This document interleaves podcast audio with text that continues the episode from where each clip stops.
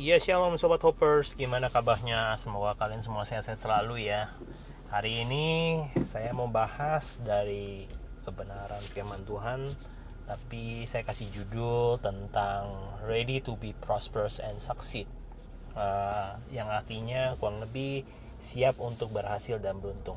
Nah, kalau kita bicara tentang dua kata berhasil dan beruntung, saya percaya semua orang pengen berhasil, semua orang di muka bumi pengen banget jadi orang yang beruntung. Tetapi tidak jarang orang-orang yang katanya beruntung tetapi tidak bisa uh, mengelola keuntungannya. Contohnya apa? Kalau kita bisa lihat ada dua orang ya, saya temukan di googling.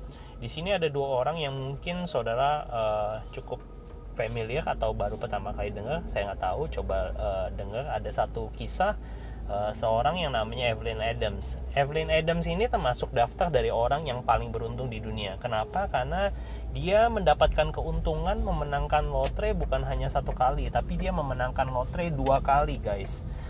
Di dalam kehidupannya dia menang dua kali lotre dan kemenangannya tahun 85 dan tahun 86 itu sebesar 5,4 juta dolar Amerika Serikat di, di di New Jersey. Aduh. Ya. Tapi kabarnya Evelyn Adams apa setelah menang lotre ternyata uangnya itu habis di mesin jackpot Casino Atlantic City dan sekarang dia tinggal di sebuah trailer park ya rumah yang berbentuknya kendaraan itu loh. Dan ada satu orang lagi yang orang bilang beruntung tetapi nasibnya kayaknya nggak jauh beda namanya John McGuinness John McGuinness ini merupakan pemenang lotre sebesar 40 juta pound sterling di Inggris Nah, kalau menurut Anda hoki nggak? Hoki ya, dapat 10 juta pound sterling pasti bisa mendapatkan sesuatu atau membeli sesuatu yang dia pengenin. Hidupnya pasti berubah, pasti jadi sukses, punya usaha dan punya modal. Tetapi ternyata kisah kehidupannya nggak sama seperti apa yang kita bayangkan. Justru John McGuinness ini meninggalkan banyak sekali hutang ya dia membeli banyak-banyak barang yang gak jelas dan dia ada hutang malah terakhir punya hutang sebesar 2,1 juta pound sterling pada bank Skotlandia. Nah, jadi kita bisa menyimpulkan yang sering kali kita pikirkan orang yang beruntung, orang yang punya kekayaan belum tentu kekayaan atau keberuntungannya itu bertahan lama. jadi kita bisa simpulkan ternyata untuk memiliki keberuntungan dan kesuksesan itu diperlukan ada satu tambahan lagi yaitu karakter. Untuk itu mengutip dari seorang perkataan yang namanya Abraham Lincoln, dia mengatakan seperti ini. Dia, dia juga banyak diucapkan oleh seorang yang bernama Basuki Cahaya Purnama atau yang sering kita kenal yang namanya Ahok. Dia berkata semua orang bisa tahan sama kesengsaraan, tetapi bila kita pengen tahu karakter sesungguhnya dari seseorang berilah dia kekuasaan. Nah, di situ kita bisa melihat karakter asli dari orang tersebut seperti apa sih. Nah, nah makanya kita mau belajar nih teman-teman. Jadi sobat hoppers supaya teman-teman sobat hoppers di sini menjadi orang yang sukses, menjadi orang yang beruntung, tapi saudara juga punya karakter. Ya ketika saudara sukses, saudara nggak sombong, saudara juga nggak lupain orang dan lain sebagainya. Apa sih yang harus kita teladan teladanin? dan kita pelajari bersama-sama ya saya ngambil seorang tokoh di dalam perjanjian lama di dalam Alkitab ya seorang yang namanya Yusuf. Pasti teman-teman sudah kenal dan familiar dari tokoh yang namanya Yusuf. Yusuf ini diceritakan di dalam kejadian 37 dia sebagai seorang yang usianya masih 17 tahun. Dia punya dapat mimpi. Dia ini anak yang nomor 11 dari seorang bapak yang namanya Yakub atau Israel. Anak ke-11 dari 12 laki-laki. Dan Yusuf ini adalah anak kesayangannya si Bapak Yakub atau Bapak Israel ini ya. Yakub itu memberikan jubah maha indah kepada Yusuf ya. Bahkan dia bukan hanya menjadi anak kesayangan tetapi dia juga sering kali dimanjakan sama papanya. Nah singkat cerita teman-temannya eh, bukan saudara-saudaranya ya. Saudara-saudaranya yang lain karena melihat Yusuf mendapatkan uh, belas kasih daripada bapaknya ini dan uh, kasihnya bapaknya itu nggak adil uh, semua saudara-saudaranya membenci Yusuf nah sehingga cerita Yusuf ini diskenariokan difitnah dijual ya sama menjadi seorang budak dibuang ke sumur dan dijual akhirnya Yusuf dijual oleh uh, ke Mesir gitu ya dia berlabuh di seorang tuan yang namanya Potifar. Nah di situ Yusuf nggak berhenti loh. Ya dia di dia sebenarnya pada waktu itu saat itu dia bekerja di dengan dengan baik ya. Mendapatkan promosi menjadi kepala rumah tangga tetapi nyonyanya itu justru punya maksud yang buruk dengan Yusuf. Dan sehingga menyebabkan Yusuf difitnah dan Yusuf akhirnya masuk ke dalam penjara. Dan kesengsaraan Yusuf tidak berakhir dan pada saat itu ketika Yusuf sudah dibuang ke penjara Yusuf menolong sebenarnya seorang juru minum. Ada juru minum dan juru cicip roti gitu ya. Nah dua-duanya ini di, di dalam masukin ke dalam sel. Dan Yusuf sebenarnya mengartikan mimpi daripada kedua orang ini. Dan mimpinya tepat banget di, di, di, diprediksi sama Yusuf. Ya si juru minumnya ini dipromosikan kembali dan si juru rotinya ini dihukum mati nah tapi si juru minum yang ditolong sama Yusuf di penjara ini melupakan Yusuf gitu. Sampai Yusuf itu diangkat sama Firaun. Ya mengartikan mimpi dan singkat cerita dia jadi orang kedua yang berhasil di Mesir. Nah, Yusuf menjadi orang yang berhasil, tetapi sekali lagi kita mau belajar bukan dalam prosesnya, tapi kita belajar ketika dia berhasil menerima kekuasaan. Kenapa karakter Yusuf ini menjadi sebuah karakter yang harus kita pelajari dan teladanin. Karena Tuhan mau kita tuh punya pola dan karakter sama seperti Yusuf. Ya karakter Kristus. Ya saudara bisa baca di dalam kejadian 45 ayat 1 ya saya nggak baca sampai ayat 10 nah di situ kita akan bahas tiga poin di mana saya mau berbagi kepada teman-teman apa sih yang harus kita miliki untuk memperoleh yang namanya uh, keberhasilan dan keberuntungan. Yang pertama kalau kita belajar dari Yusuf kenapa Yusuf bisa memperoleh keberhasilan dan keberuntungan? Yang pertama adalah Yusuf selalu menjaga hati. Saudara bisa temukan Yusuf menjaga hati ini di dalam kejadian pasal yang ke-45 di ayatnya yang keempat kita saya bacain ya buat teman-teman semua. Lalu kata Yusuf kepada saudara-saudaranya itu marilah dekat-dekat. Maka mendekatlah mereka atau saudara-saudara Yusuf pada Yusuf. Katanya lagi aku Yusuf akulah Yusuf saudaramu yang kamu jual ke Mesir. Nah, kita lihat di sini saudara-saudara, ini adalah awal perjumpaan Yusuf dengan saudara-saudaranya ya. Saya percaya Yusuf itu punya memori ketika dia dijahatin ketika dia dibully ketika dia dijual ketika dia disiksa dia dibuang ke sumur kemudian di skenario kan dijual sebagai budak. Saya percaya memori-memori itu menjadi memori-memori masa lalu yang sangat-sangat menyedihkan menyakitkan dan menakutkan pasti. Nah, tapi se sebuah hal yang luar biasa adalah Yusuf bisa menerima daripada saudara-saudaranya ini yang berbuat jahat ya. Dan Yusuf punya sebuah modal yang poin yang pertama kunci pertama di mana kenapa Yusuf bisa berhasil dan beruntung memiliki karakter yang luar biasa karena yang pertama dia adalah uh, seseorang yang senantiasa menjaga hati ya di dalam Alkitab juga dituliskan di dalam Amsal pasal 4 ayat 23 di sana dikatakan jagalah hatimu dengan segala kewaspadaan karena dari situlah dari hatilah terpancar kehidupan Yusuf adalah seorang yang bisa menjaga hatinya. Dia bisa memancarkan sebuah kasih. Artinya apa? Dia jaga hatinya tidak dikontaminasi dengan kebusukan, keburukan, dendam, amarah, dengki, kepahitan dan segala macam yang buruk. Orang yang berhasil dan orang yang sukses adalah orang yang bisa kuat hatinya, bukan orang yang lemah hatinya. Orang yang kuat hatinya adalah orang yang sanggup mengatasi segala hal-hal yang buruk di masa lalunya membuatkan itu sebagai sebuah batu loncatan supaya dia menjadi lebih kuat, lebih tegar dan siap untuk menerima janji Tuhan. Amin.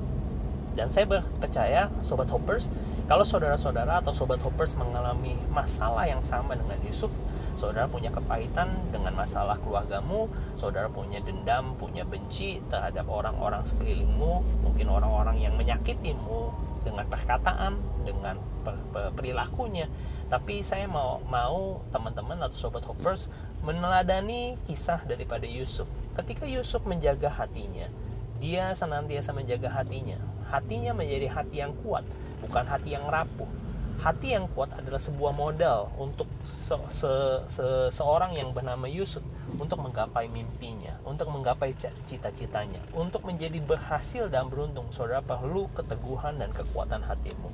Maka mulai hari ini saya mengajak saudara, sobat hoppers yang merasa sakit ya sakitnya dihianatin, sakitnya mungkin di di di di, di, di dibully ya melalui perkataan, melalui tindakan, melalui perkataan siapa pun orangnya. Mari kita lepaskan pengampunan seperti Yusuf ya menerima mereka ya melepaskan pengampunan ya dan mengampuni mereka. Itu adalah sebuah keputusan yang luar biasa.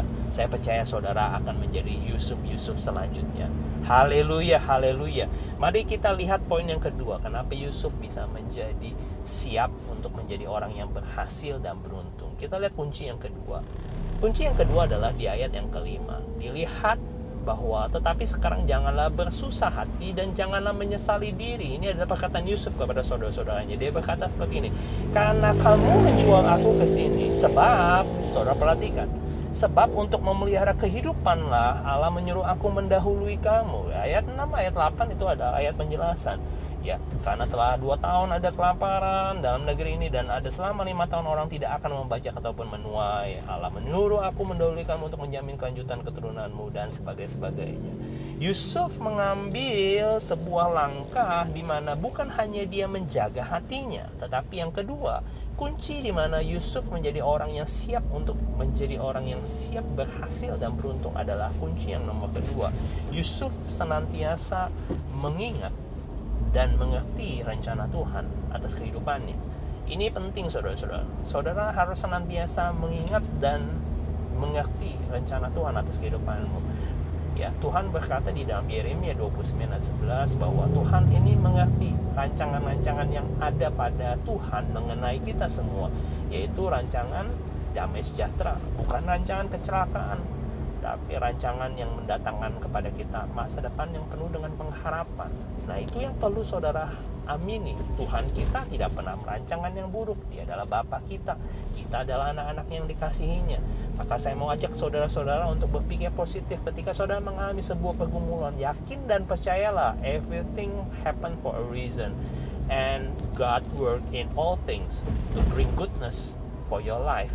Ya, Ya di dalam Roma 8 ayat 28 kita melihat bahwa sekalipun Yusuf mengalami proses di dalam kehidupannya, sekalipun Yusuf mengalami banyak sekali proses kepahitan, uh, mungkin pengkhianatan, uh, di, di fitnah, dijual, tapi kita baca di dalam Roma 8 ayat 28. Kita tahu sekarang bahwa Allah turut bekerja di dalam segala hal untuk mendatangkan kebaikan bagi mereka yang panggil sesuai dengan rencananya. Haleluya, haleluya. Saya percaya saudara-saudara yang dikasih Tuhan. Allah turut bekerja di dalam segala hal untuk saudara ya yang melangkah ya yang berjalan di dalam ketetapannya dia yang berjalan menurut rencana Tuhan saya percaya di dalam rencana Tuhan mungkin ada pergumulan mungkin ada air mata mungkin ada persoalan tetapi ketika saudara berjalan dan bergantung harap kepada Tuhan, maka Dia yang sanggup mengubahkan segala sesuatunya yang buruk, yang jahat diubahkan, ya, mendatangkan kebaikan bagi saudara dan saya, mendatangkan keberuntungan. Kutuk-kutuk yang di, diarahkan kepada saudara, dia sanggup mengubah itu menjadi berkat yang spesial bagimu beban-bebanmu dia sanggup mengubahkan itu menjadi berkat yang spesial bagimu. Dan saya percaya dan terlampau percaya kita menjadi orang-orang atau anak-anak Tuhan yang siap untuk menikmati keberhasilan dan keberuntungan di dalam kehidupan kita. Karena Allah kita turut bekerja untuk mendatangkan sesuatu yang baik di dalam kehidupan kita. Haleluya haleluya haleluya. Jadi saudara-saudara kalau diproses maka saya mau saudara-saudara percaya bahwa kita ada di dalam rencana Tuhan. Kita mungkin berpikir kita nggak bisa tapi percayalah bahwa rancangan atau rencana Tuhan di dalam kehidupanmu tidak mungkin gagal. Dia merancangkan yang baik dia merancangkan yang manis dia merancangkan damai sejahtera untuk hidupmu. Dia merancangkan kehidupanmu untuk prosperous untuk sukses untuk berhasil untuk beruntung menikmati semua janji Tuhan. Karena kan sudah disediakan. Saya percaya dia nggak pernah gagal. Ya amin amin amin yang terakhir mari kita lihat saudara-saudara kenapa Yusuf menjadi orang yang berhasil dan beruntung? Kenapa dia menjadi orang yang siap? Kita lihat di ayat yang ke-9. Segeralah kamu kembali kepada Bapa dan katakanlah kepadanya beginilah kata Yusuf anakmu Allah telah menempatkan aku sebagai tuan atas seluruh Mesir. Datanglah mendapatkan aku janganlah tunggu-tunggu. Dan ayat yang ke-13 kita lompat. Sebab itu ceritakanlah kepada Bapa ya. Yusuf ini berkata kepada saudara-saudaranya untuk menjemput Bapak Yakub atau Israel. Dikatakan di ayat 13 ini. Sebab itu ceritakanlah kepada Bapa segala kemuliaanku di negeri Mesir ini dan segala yang telah kamu lihat. Kemudian segeralah Bapak bawa Bapak kemari. Luar biasa ya. Luar biasa Yusuf. Menjadi orang yang berhasil dan beruntung. Dia bukan hanya senantiasa menjaga hati. Dia juga bukan senantiasa mengingat rancangan Tuhan di dalam kehidupannya. Dan dia adalah orang yang senantiasa menghormati dan mengingat jasa keluarga dan orang tuanya. Haleluya. Hal yang ketiga ini adalah hal yang juga tidak kalah penting. Kita sering kali diingatkan kepada sebuah kata, don't forget who you are and where you come from ya dari sebuah petikan kata-kata mutiara dari seorang bernama F. Scott Fitzgerald ya mengingatkan kepada saudara dan saya jangan pernah melupakan siapa diri kita sebelumnya siapa kita dan dari mana asal kita sering kali orang ketika sukses dia lupa dari mana dia berasal dari mana kesuksesannya itu datang. Saudara saya mau katakan, saudara mau sukses, saudara mau berhasil, saudara mau hebat. Saya percaya saudara tidak bisa hebat, tidak bisa berhasil, tidak bisa sukses dengan sendiri. Saudara membutuhkan orang lain. Saya percaya kok ada orang-orang yang mendukung dan mendorong saudara sampai saudara bisa sukses sampai hari ini saudara bisa sampai posisi saat sekarang ini itu semua karena dukungan atau bantuan orang-orang tertentu di sekeliling saudara. Saudara sadari atau tidak sadari, saudara harus berterima kasih kepada terutama adalah keluargamu, orang tuamu, ya. Dan saya percaya loh saudara-saudara, uh, orang tua itu punya kontribusi yang besar untuk kesuksesan kita. Kenapa? Karena saya mau kasih tahu setidak sempurnanya setidak sempurnanya orang tua kita sejelek-jeleknya orang tua kita sebodoh-bodohnya mereka lah kita ngomong sejelek-jeleknya dan sebodoh-bodohnya mereka. Kita harus sadar bahwa kita ada di dunia ini karena mereka. Ya kalau tidak ada mereka tidak ada kita. Setuju nggak? Ya jadi jangan pernah lupakan itu jangan pernah lupakan jasa itu. Sekalipun mereka mungkin jauh lebih bodoh jauh lebih di bawah engkau secara income saat sekarang ini mungkin engkau lebih hebat engkau lebih kaya. Tapi saya mau katakan jangan pernah jangan pernah meremehkan atau apalagi melupakan mereka. Mereka punya andil di dalam kehidupan. Yusuf adalah orang yang punya kuasa. Dia sudah pindah dari Mesir dia sudah pindah dari negeri Kanaan. Harusnya kalau saya mau mengatakan bisa saja dia menikmati kesuksesan dan kekayaannya tanpa harus peduli dengan saudara-saudaranya. Mau apa dia lebih kaya, dia lebih pengaruh, dia lebih dihargai, dia lebih dihormatin. Gak perlu ada pengakuan dari saudara-saudaranya. Tetapi luar biasanya, seorang Yusuf mengajarkan kepada kita semua, seorang yang sukses, seorang yang dimulai dari keluarga, seorang yang sukses harus menyadari bahwa ada peran dari orang-orang sekelilingnya, terutama keluarganya. Jangan menjadi orang yang seperti kacang lupa dengan kulitnya Jangan pernah melupakan orang-orang di sekelilingmu yang membantu engkau, yang mendoakan engkau, yang mensupport engkau, yang hari-hari ini tidak lepas berdoa untuk engkau, untuk kesuksesanmu, untuk kesehatanmu, untuk setiap berkat-berkat yang Tuhan berikan bagimu. Ya, jangan lupa sekali lagi ingat mereka. Senantiasa ingat jasa-jasa mereka, senantiasa ingat keluargamu ketika engkau diberkati, Tuhan jangan lupakan mereka. Sama seperti Yusuf ya ketika dia diberkati dia menyuruh saudara-saudaranya untuk menjemput bapaknya untuk tinggal bersama dengan dia untuk menikmati apa yang di, apa yang dinikmati oleh Yusuf yaitu tanah Goshen tanah yang terbaik. Ya berikan dan muliakan orang tuamu. Apa yang kau bisa berikan selama mereka hidup senangkan hati mereka. Jangan kita berpikir nanti nanti kita tunda. Ya saya mau kasih tahu penyesalan itu selalu datangnya belakangan. Kalau kita orang tua kita sudah tidak ada kita tidak bisa lagi menyenangkan mereka. Saudara tidak bisa yang namanya membakar sesuatu dan mengharapkan mereka mendapatkan dan menikmati. Siapa yang menikmati? Nggak ada.